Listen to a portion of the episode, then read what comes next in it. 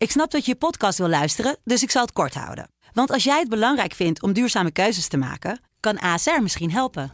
Nou hoor ik je denken, hoe dan? Nou, bijvoorbeeld bij het duurzaam herstellen van schade. Of de premies die we beleggen volgens ons duurzaam beleggingsbeleid. Dat bepaalt waar we wel en juist niet in investeren. Wil je meer weten over welke duurzame keuzes ASR maakt? Ga dan naar asr.nl/slash duurzame keuzes. ASR doet het. Zo, dan kan je nu lekker naar je podcast luisteren.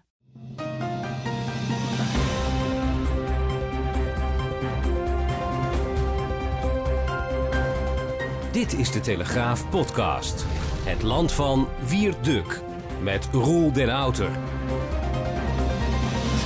Het is vrijdag 17 april 2020 en dit is het land van Wierduk. Aflevering 73 alweer. Welkom Wiert. Ja, goedemorgen. Jij eh, zit nog steeds thuis, hè? Al, eh, al een maandje of twee? Eh, nou ja, ik werk nog steeds vanuit huis, maar Ja. wij worden ook gea- geacht om vanuit huis te werken. Althans, de meeste van ons. Dus eh, ik hou me keurig aan de voorschriften. Maar hoe, hoe ben je eronder? Want ik eh, betrap me er zelf op Nou, dat ik ja, bijvoorbeeld dat eh, meer wijn ga drinken. En, eh, Ja, iedereen gaat natuurlijk ja, meer wijn drinken en zo. En ja, het is natuurlijk eh, als, als verslaggever helemaal, eh, die gewend was om het land in te gaan. eh, dit is natuurlijk geen doen. Dus het moet uiteindelijk ook eens een keer gaan ophouden. Want het, het is gewoon. Maar daar hebben we het ook al vaker over gehad in de podcast. Je kunt natuurlijk niet een hele bevolking of een groot deel van de bevolking opleggen om maandenlang op deze manier te gaan leven. Dat is zo onnatuurlijk. Dus ehm Ja. er moet toch een keer een, een, een traject komen naar de uitgang. ja, precies. Nou, daar gaan, we het, eh, daar gaan we het straks over hebben. Het is nu eh, vrijdag dat we opnemen trouwens. En normaal eh, doen we het donderdag. En we waren nu ook nog een beetje later, want je had iets stoms gedaan hè thuis. Nou ja, ik, ik, gisteren niet hoor. Dat toen viel de techniek, liet het afweten geloof ik. Maar vandaag liet ik het afweten, want ik had mezelf buiten gesloten. Dus ehm, ik had geen toegang tot, eh, tot mijn eigen studio. en eh, toen duurde het even langer om, om eh, jullie te bereiken. Ja, precies. Oké, nou, je bent er.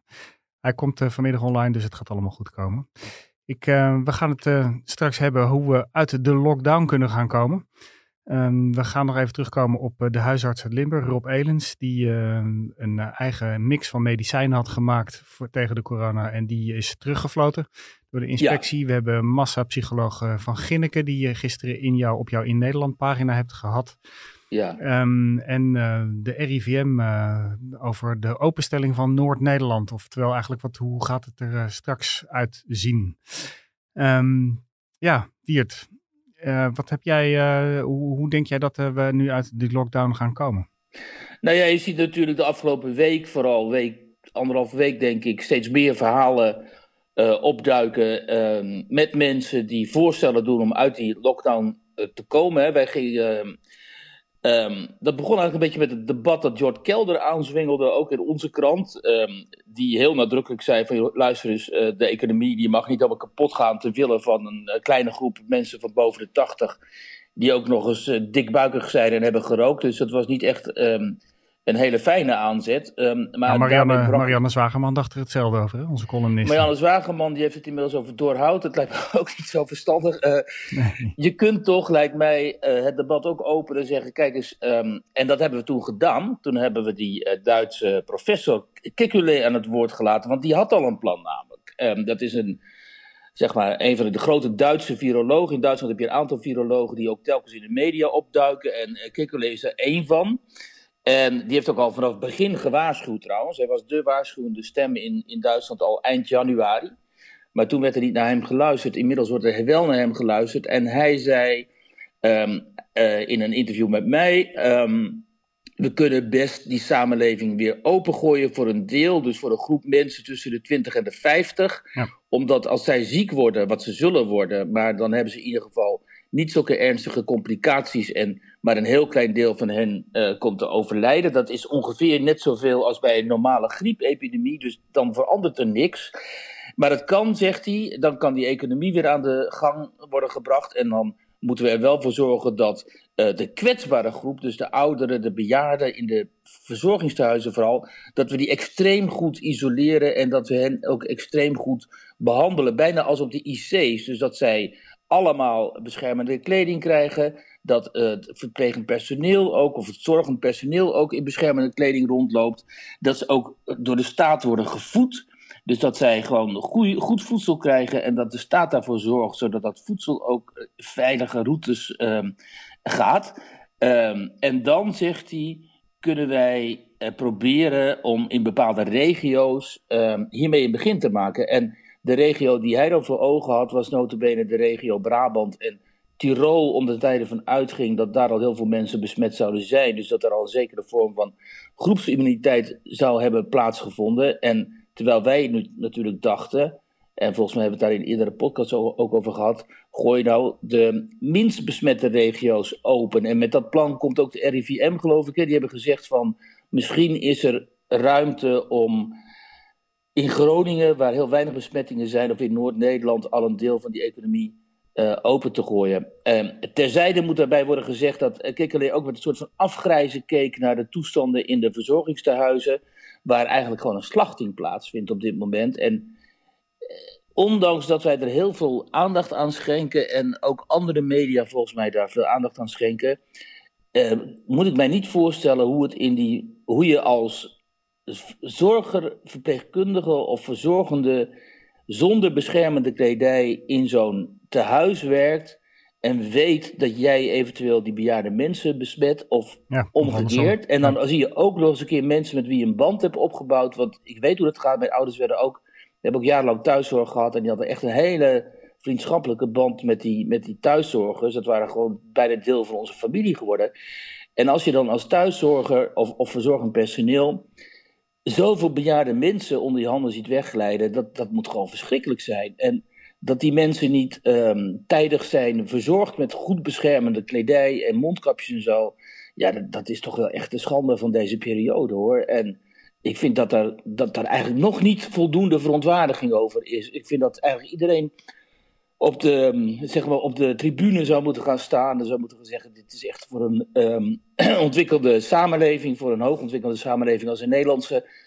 Ja, schande. Ja, maar, en ook daar zo makkelijk afstand van nemen. Hè? Van ja, ja, die mensen gaan toch dood. Dus weet je, of ze dan een beetje eerder doodgaan. Of nu.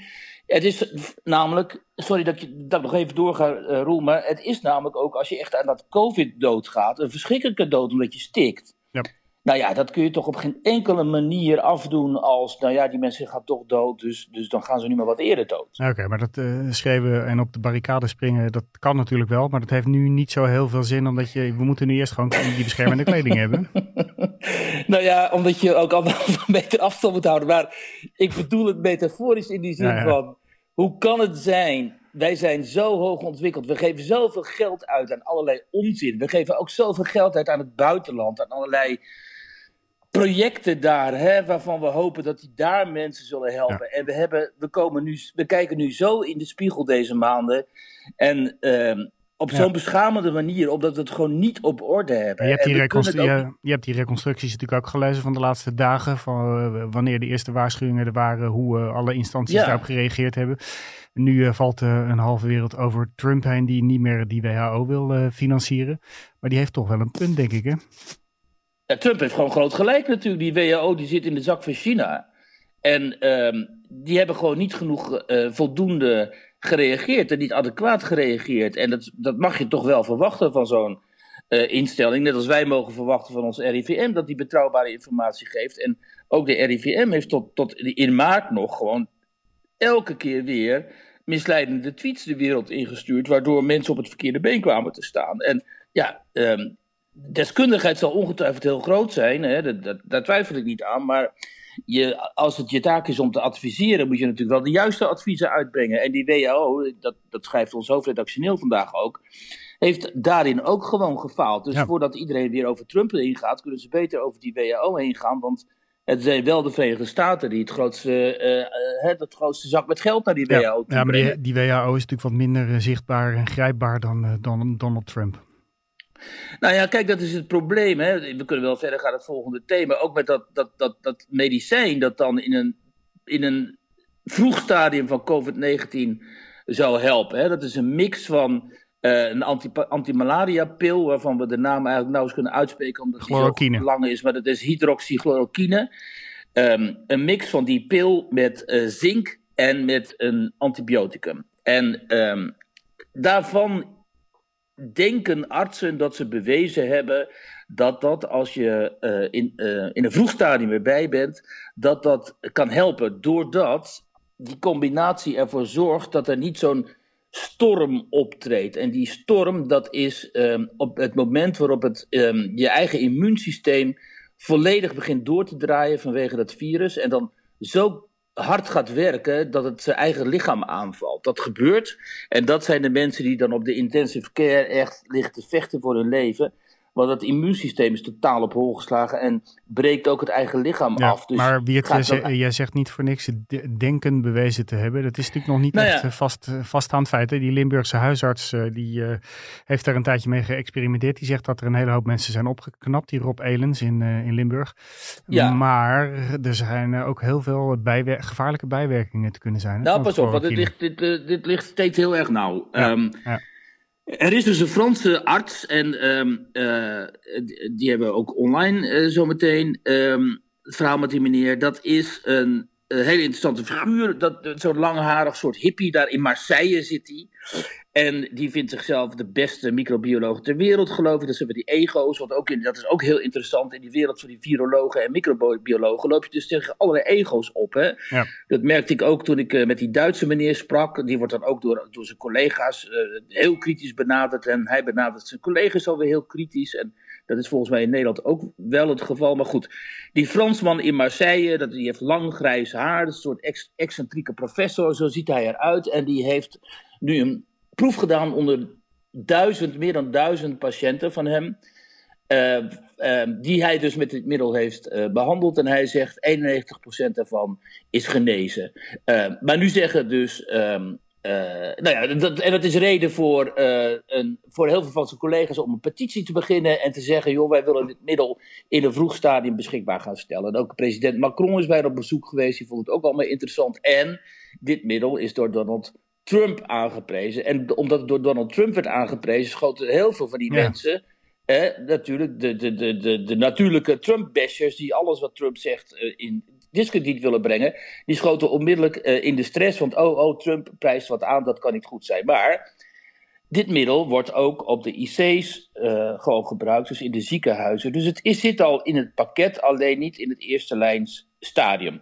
Wat heeft nou die, die um, huisarts Rob Edens in Limburg gedaan. Die is het, toen hij zag dat bejaarde mensen in zijn praktijk ook begonnen te overlijden, die is toen eens gaan zoeken en die heeft in middel toen in de eerste lijn is hij gaan voorschrijven. En volgens hem met succes. Hij zegt, ik heb er tien mensen mee genezen. Nou, die waren anders ongetwijfeld overleden, want anderen die, die, die overleden allemaal voordat ik hiermee begon. En uh, baat het niet, schaadt het niet, omdat het aantal bijwerkingen, zegt hij, is eigenlijk heel gering. Um, dat valt enorm mee. Hoewel uh, de inspectie zegt: nee, dat valt niet mee. Nee. En je moet hiermee stoppen. Dus hij moest nu stoppen van de inspectie. Dat heeft nog tot Kamervragen geleid. En minister Hugo de Jonge heeft in die Kamervragen gezegd: ja, we houden ons aan de richtlijn van de. De behandelrichtlijn van de inspectie. Ja. Dus dit gaat, dit gaat allemaal niet door. Je moet maar, nu stoppen. Maar, dus maar, Elend, ja. Maar Wiert, uh, stel dat jouw moeder nu op de intensive care zou liggen. Ze ligt uh, op de buik. Um, er komt een arts naar je toe en die zegt: We hebben een middel. Het is niet bewezen. Waarschijnlijk helpt het. Misschien helpt het. Kunnen we dat, haar, dat, dat kunnen we haar toedienen? Jij zou dan zeggen? Ja, ja, ik zou als ook in uh, mijn eigen geval zou ik zeggen, onmiddellijk zeggen van ja, doen. En uh, als het het enige is uh, wat kan voorkomen dat je in die storm terechtkomt en hè, dat je waarschijnlijk komt te overlijden, dan zou ik zeggen, ja, probeer het gewoon.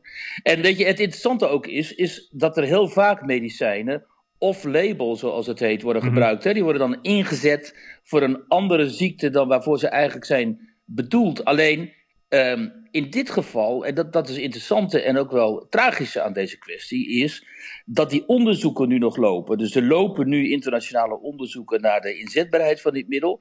Ehm, maar die zijn pas, die klinische test en de resultaten daarvan, ja, dat duurt maanden voordat daar dan uiteindelijk een conclusie uitkomt.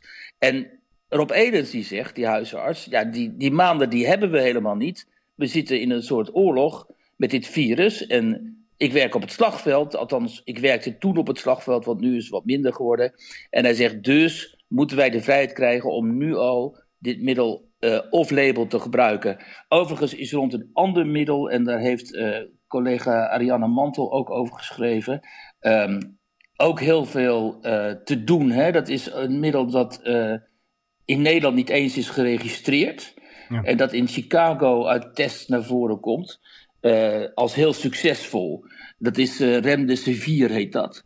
En in Chicago is het getest en daar zouden ook hele goede resultaten zijn geboekt. Daar hebben we ook een stuk over op de krant. Dat beleggers duiken erop. Nou, als er beleggers op duiken, dan, dan zegt dat wel iets, denk ik. Um, dus je ziet dat er alle kanten wordt gewerkt aan het vinden van virusremmende middelen. En daarboven natuurlijk nog uh, het internationale werk aan het uh, vaccin. Ja, maar beleggers zijn uh, opportunisten, Wiert. Die willen geld verdienen. En die hebben het niet over, die denken niet aan hun moeder op de intensive care. Nee, nee. Nee, maar goed, als ze daar een mogelijkheid uh, ontdekken uh, van succes, dan... Ja, die uh, grijpen nou ja, het is de markt, hè? Wij prijzen die, ja, ja, die grijpen elke mogelijkheid aan om, om, om, om een gokje te wagen. Ja. Maar ja, nou ja, het, het wordt natuurlijk interessant of dat nog op, tij, op tijd gaat komen. Maar de officiële regels zijn natuurlijk gewoon dat zoiets eerst klinisch getest moet worden. En dat, dat duurt gewoon, dat duurt natuurlijk gewoon een hele tijd. En, maar ja, dat is toch wel, kijk, als je een beetje boven die hele materie gaat hangen en al die problematiek, dan is het toch wel heel fascinerend om te zien, a, hoe een, hoe een medicijn dus kennelijk gepolitiseerd kan worden. Hè? Als Trump en ook die, die vreselijke man in Brazilië, die Bolsonaro, als hij er dan wat over zeggen in, in lovende zin, dan is, het, dan is het kennelijk besmet in bepaalde kringen. Ja. En ook hoe je ziet dat in, um, in uh, samenlevingen die uh, erin zijn geslaagd om mensen naar de maan te brengen en uh, jarenlang in, in de ruimte te laten rondzweven, hoe die er dus niet in slagen om één zo'n onzichtbaar virusje, wat niet eens een, een levend iets is, maar wat jouw lichaam dus compleet kan verwoesten. Ja. Hoe, hoe, men er niet in slaagt om zo'n virusje ehm, te overwinnen. Hè? Dat is, dat, dat, dat, voor onze psychologie is dat natuurlijk ook zo onder, ondermijnend eigenlijk. Omdat wij natuurlijk altijd denken, ja, maar we zijn, hè, we komen wel eens ooit te overlijden. Maar in principe kunnen we alle ziektes toch uiteindelijk wel um, tegenwicht bieden. Of we kunnen er iets aan doen, of er is iets aan te doen. En ja, maar hier is op dit moment even helemaal niks aan te doen. Ik begrijp de angst wel ook dat uh, die medicijnfabrikanten moeten natuurlijk uh, aan allerlei regels voldoen. En je kan niet zomaar uh, van alles op de markt brengen. ook al met de belofte, het zal waarschijnlijk, waarschijnlijk werkt het wel. Stel dat het een ander effect heeft, dan, uh, ja, dan heeft Nee, kijk, maar we zitten nu in een situatie zoals in de jaren tachtig met, met HIV en met AIDS. Ja, hè, toen. Stierven allerlei mensen en men had in, de, in het begin helemaal niet in de gaten waarom. En toen ontdekte men, oh, dat is, heeft hiermee te maken. En uiteindelijk is er nooit een vaccin gevonden natuurlijk tegen AIDS. Um, uh, maar wel, zeg maar, behandelmethodes. Maar aanvankelijk was de paniek natuurlijk ook enorm. Alleen daar beperkte het zich tot een bepaalde specifieke groepen kwam men achter. En nu met corona kan het eigenlijk iedereen treffen. Dat is natuurlijk het uh, beangstigende eraan. Ja.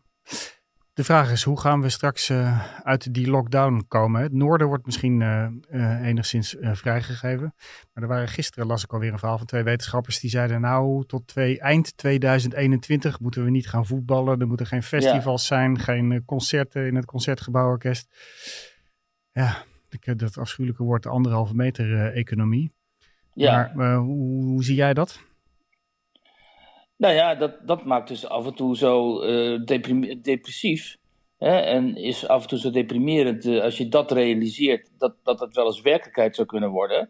Dus dan, dan komt een fijne fles wijn, die komt dan wel, wordt dan je beste vriend, zeg maar. Um, maar um, het is heel moeilijk voor te stellen, om, omdat je menselijk gedrag niet, volgens mij niet zo lang kunt beïnvloeden. Dan moeten daar al wel heel ernstige sancties op komen te staan. En ik denk dat die jongere generaties toch zullen merken dat het hen nauwelijks, nauwelijks raakt. Um, dus die zullen voorzichtigheid ten opzichte van elkaar sowieso minder in, in gaan betrachten, denk ik. Ja, Misschien dat ze wel voorzichtiger zullen zijn met, met ouderen. Maar ik denk niet dat ze zo lang uh, je kunt niet. Want dat zou betekenen dat mensen helemaal geen fysieke relaties kunnen aangaan met, met nieuwe, nieuwe, nieuwe bekenden en zo. Dus dat mensen niet verliefd zouden kunnen worden, geen seks kunnen hebben. Um, dat kan natuurlijk helemaal niet. Dan ga je, dan ga je Tinder dates. Ja, weet je, nou, ik sprak met die massapsycholoog Jaap van Ginneke, en die is ook al wat ouder, die heeft ook al wat een en ander meegemaakt in zijn leven. En die zegt wel van ja, het kan best wel zo zijn natuurlijk dat uh, die fysieke contacten, dat het toch heel anders wordt, dat je toch van elkaar gaat vragen van ja, ben je infectievrij? En, um, dat je met een bewijs op zak moet lopen. Dat ja, je op je telefoon moet kunnen laten zien dat jij virusvrij nou ja, bent. Ja, zoiets. Dus je moet hopen, hopen dat er dan een soort tests uh, komen, sneltests, die dat zullen uitwijzen. Maar ja, uh, dan nog. Um, uh, maar het kan natuurlijk zijn, en hij had er ook een interessante theorie over. Kijk, als je fysiek contact hebt en elkaar aanraakt of knuffelt of noem maar op, dan komt er een stofje vrij in je hersenen dat mensen met elkaar verbindt. Dus dat, dat, dat, hè, dat het jou plezierig laat voelen dat jij uh, wordt aangeraakt en iemand anders aanraakt. Dat, dat smeet verbindingen tussen mensen en ook tussen moeder en kind en zo, weet je wel. Mm kijk, als dat stofje structureel bijna niet vrijkomt in een samenleving, ja, dan, uh, dan zal er inderdaad wel een en ander veranderen. Want dan gaan mensen toch, dan, dan wordt zo'n samenleving automatisch killer.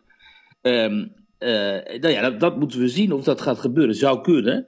Um, maar ik, ik, nou ja, kijk, we hebben dit nog nooit meegemaakt, dus we weten het niet. Um, uh, het is wel zo dat er een bepaalde gretigheid is, heb ik de indruk, bij de overheid en ook wel bij, laten we zeggen, de machthebbers, om ons een beetje in die mo te dwingen en ook met zo'n app en zo in de gaten te houden. En daarover zie je nu toch wel heel veel mensen stijgeren die zeggen, ja luister, dit is gewoon allemaal heel erg, uh, heel erg... Uh, uh, hoe heet het, heel erg uh, slecht voor onze uh, democratie. Jij doet dus niet mee aan de nou ja, het moet, kijk, er zijn natuurlijk altijd groepen, instanties, um, uh, politici ook, mensen in openbaar bestuur en zo, die het wel fijn vinden als zij populaties kunnen um, in het gareel kunnen houden. En we komen nu zo langzamerhand wel op een punt, of zo langzamerhand, we zijn op een punt dat we toch met z'n allen wel heel erg gedwee um, uh, allerlei richtlijnen volgen.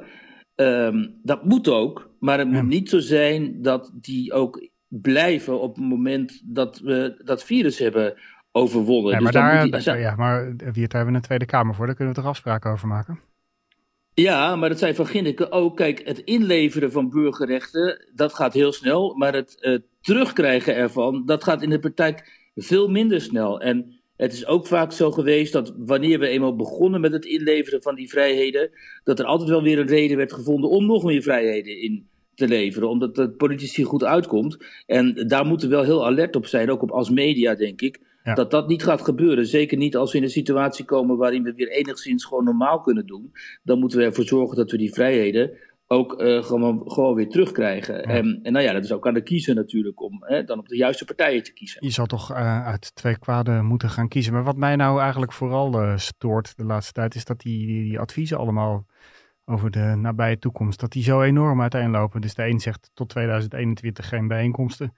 De ander die zegt van uh, we kunnen weer meer dingen open gaan stellen.